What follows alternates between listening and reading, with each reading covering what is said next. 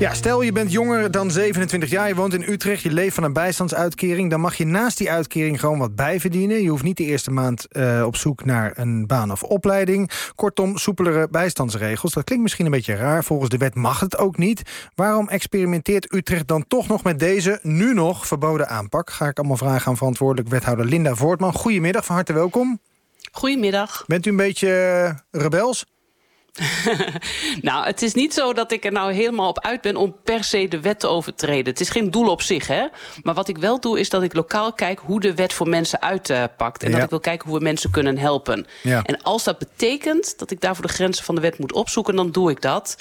Um, en ik wil er ook nog wel bij zeggen... kijk, ook het huidige demissionaire kabinet... kijkt ook uh, naar wat er moet veranderen. Hè. Minister Schouten die wil ook uitgaan van een participatiewet... die meer uitgaat van vertrouwen in plaats van wantrouwen. Dus er worden stappen gezet. Ja, vraag is of dat nieuwe kabinet dat ook uh, diezelfde stappen gaat zetten. Maar goed, dat, dat horen we waarschijnlijk later. Um, u heeft die experimenten, doet het experiment niet voor niks. Wanneer kwam u tot de conclusie, dit moet anders? Nou, wat wij uh, zagen was dat er veel jongeren uh, waren... die echt in een moeilijke situatie zaten.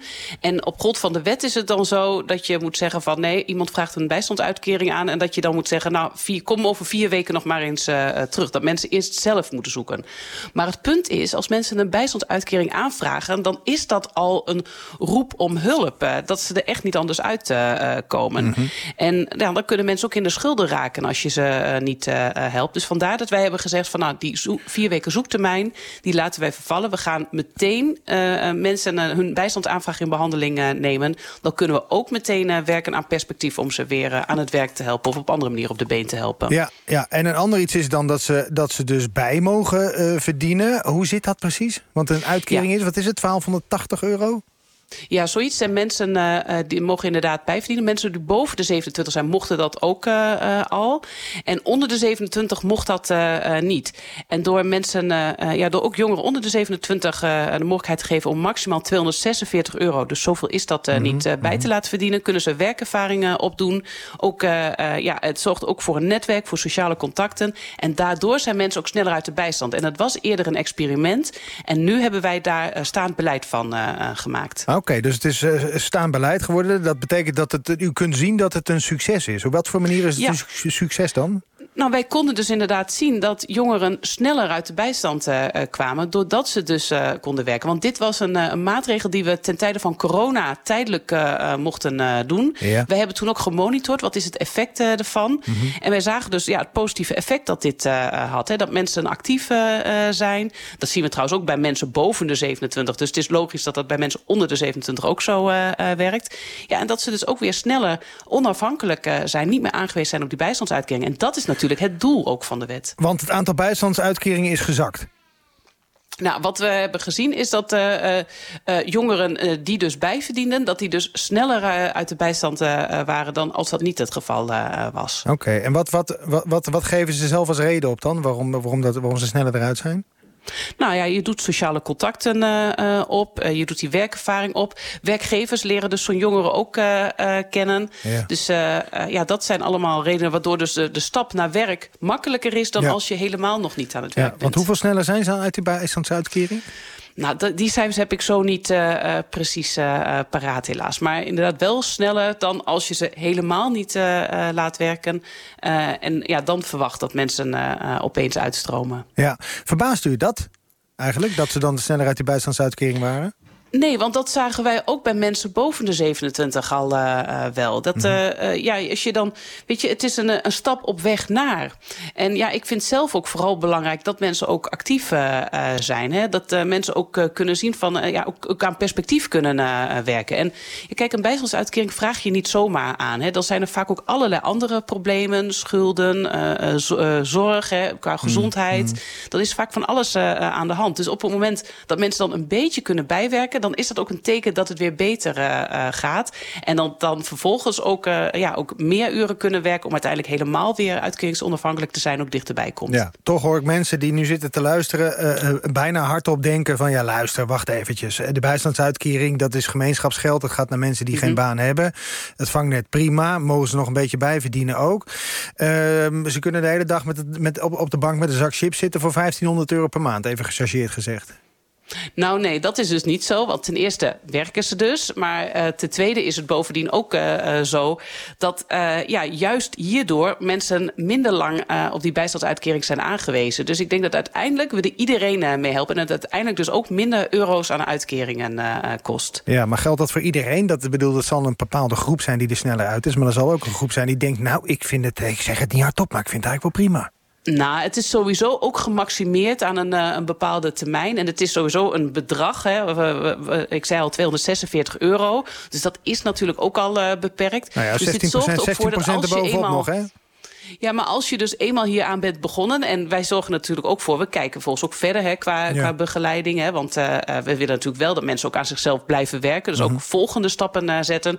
Dus het is niet zo dat je kunt zeggen... nou, uh, 246 euro en nou is het wel prima voor mij. Ja. Dat accepteren we ook niet zomaar. En zeker niet bij jongeren. Want we willen juist heel graag... dat zij niet zijn aangewezen op allerlei voorzieningen. Nee, precies. Maar het, het, het is natuurlijk ook een beetje het principe daarachter. Hè? Dus, dus hoe gaan we om met bijstandsuitkeringen? Dus ja. u, u haalt een aantal, aantal tegenmaatregelen... die uit het Rijksbeleid komen, haalt u eruit. Dus geen tegenprestatie, die wachttijd is eraf, ze mogen bijverdienen. Mhm. Dat zijn zaken die in Den Haag natuurlijk niet voor niks uh, uh, uh, niet, niet, niet mochten. Dus is het ook niet Klopt, een beetje apart als elke gemeente zo zijn eigen gang gaat? Nou, het is inderdaad ooit in het leven geroepen, die participatiewet in 2015, meen ik, vanuit het idee dat mensen niet willen werken en je ze dus met allerlei maatregelen moet dwingen om aan het werk te gaan. En ik denk dat als je nou ervan uitgaat dat mensen dat wel willen, ik zie ook dat mensen dat heel graag uh, willen. En je ze daar ook intensieve begeleiding op geeft, aandacht eraan uh, geeft, dat ze dan ook sneller aan het werken komen, sneller weer aan hun toekomst uh, werken.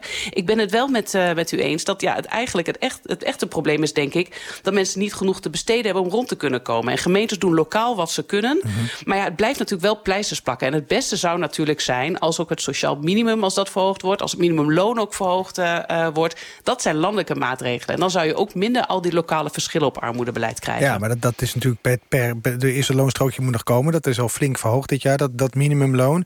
En juist daarover gesproken, als, je, als, je, als, die, als die mensen vol aan de bak gaan zeg maar, voor het minimumloon... verdienen ze maar een paar honderd euro meer... Uh, dan dat ze bij u in de gemeente bijstandsuitkering ontvangen... plus wat bijverdiensten. Is dat, ja, is dat een acceptabel verschil?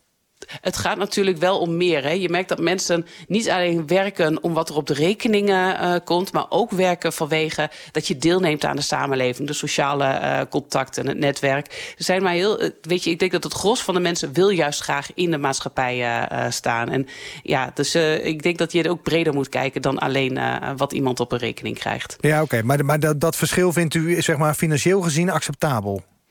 Nou, ik vind dat sowieso dat minimumloon verder omhoog uh, moet. En ook het sociaal minimum. Uh, dat heeft ook de commissie Sociaal Minimum heeft dat ook onlangs nog aangegeven. Dat mensen nu te weinig te besteden hebben. Nou, hoe wordt dat opgelost? Met armoederegelingen op lokaal niveau, met toeslagen. Dus uiteindelijk draaien we daar als samenleving voorop.